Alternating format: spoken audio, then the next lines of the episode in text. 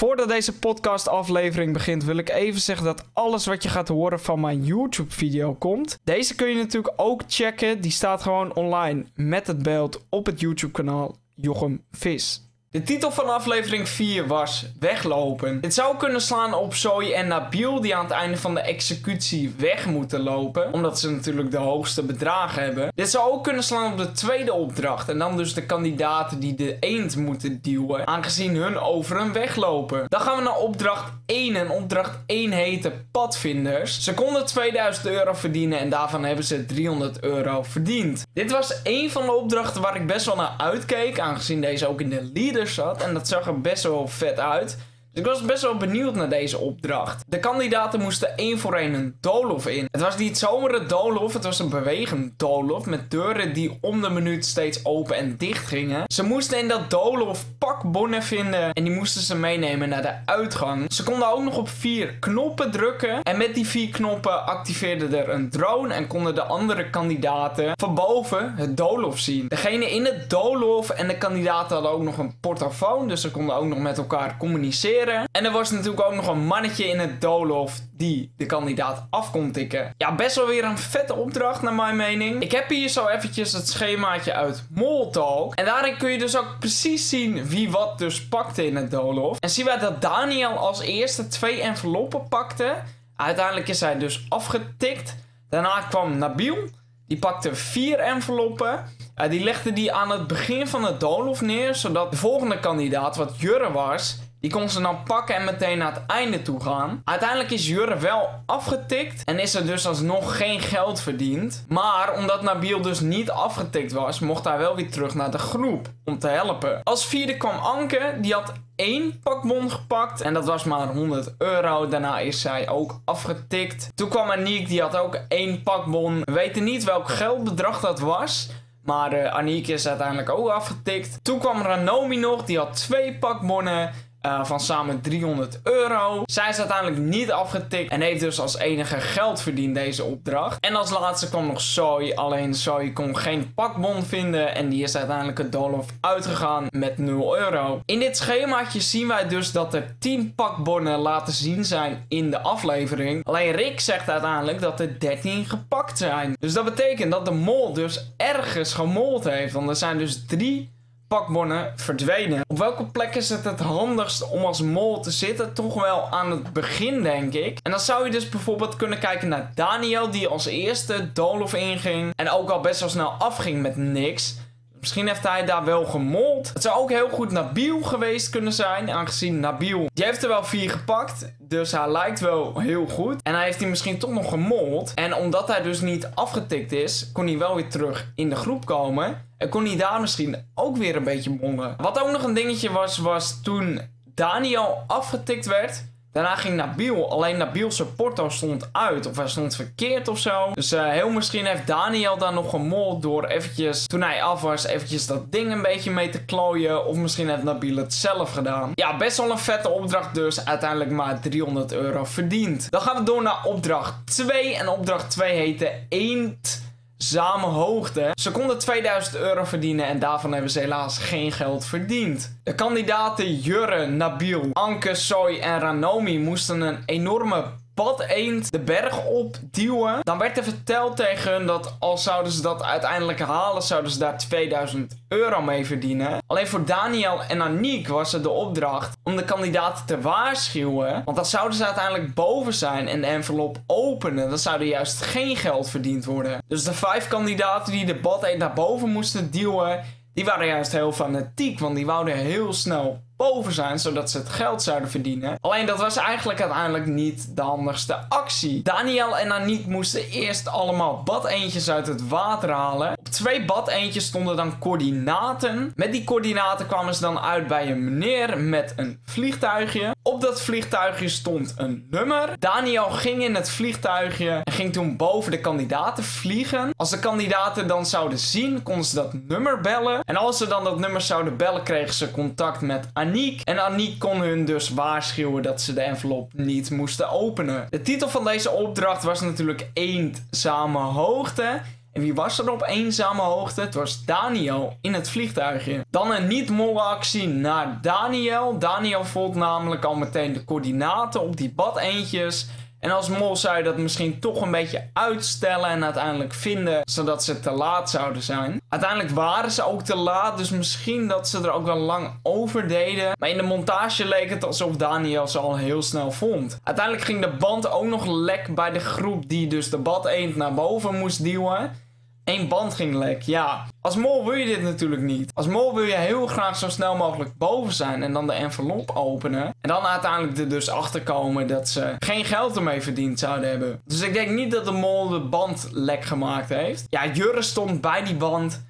Dus dan zou je denken dat Jurre niet de mol is. Ja, ik denk gewoon niet dat de mol expres de band leeggemaakt heeft. Uiteindelijk stonden ze boven met de envelop en toen waren ze aan het bellen met Aniek. En Jurre had de envelop en Jurre was meteen zo van, moeten we hem wel openen, moeten we hem niet openen, wel niet, wel niet. En Zoe was eigenlijk degene die de hele tijd zei van, maak hem open, maak hem open, maak hem open. Nou is dat dan dus niet echt een verdachte actie voor Jurre. Aangezien hij eerst aan de hele groep vraagt van, moeten we hem openmaken of niet? En van Zoe denk je dat het wel wel een verdachte actie is. Omdat hij als mol natuurlijk weet dat als ze hem openmaken, dat ze dan geen geld verdienen.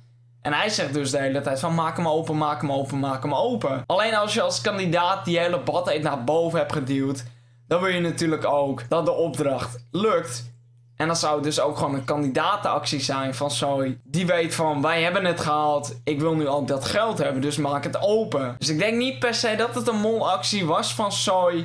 Maar het lijkt er wel op. Uiteindelijk dus geen geld verdiend met deze opdracht. Toen moesten de kandidaten weer de test maken. En gaan we nog eventjes kijken naar het grote verdenkschema. Waar ik natuurlijk weer heb opgeschreven wie wie verdacht bij de test. Anke zat op Soy, Ranomi en Nabil. Aniek zat op één iemand. Alleen zij vulde een vraag in op Daniel omdat zij van Daniel als enige wist in welk land hij geboren was. Dus zat zij volledig op Daniel, dat weten we niet helemaal. Daniel zat op Jurre, Soy, Ranomi en Aniek.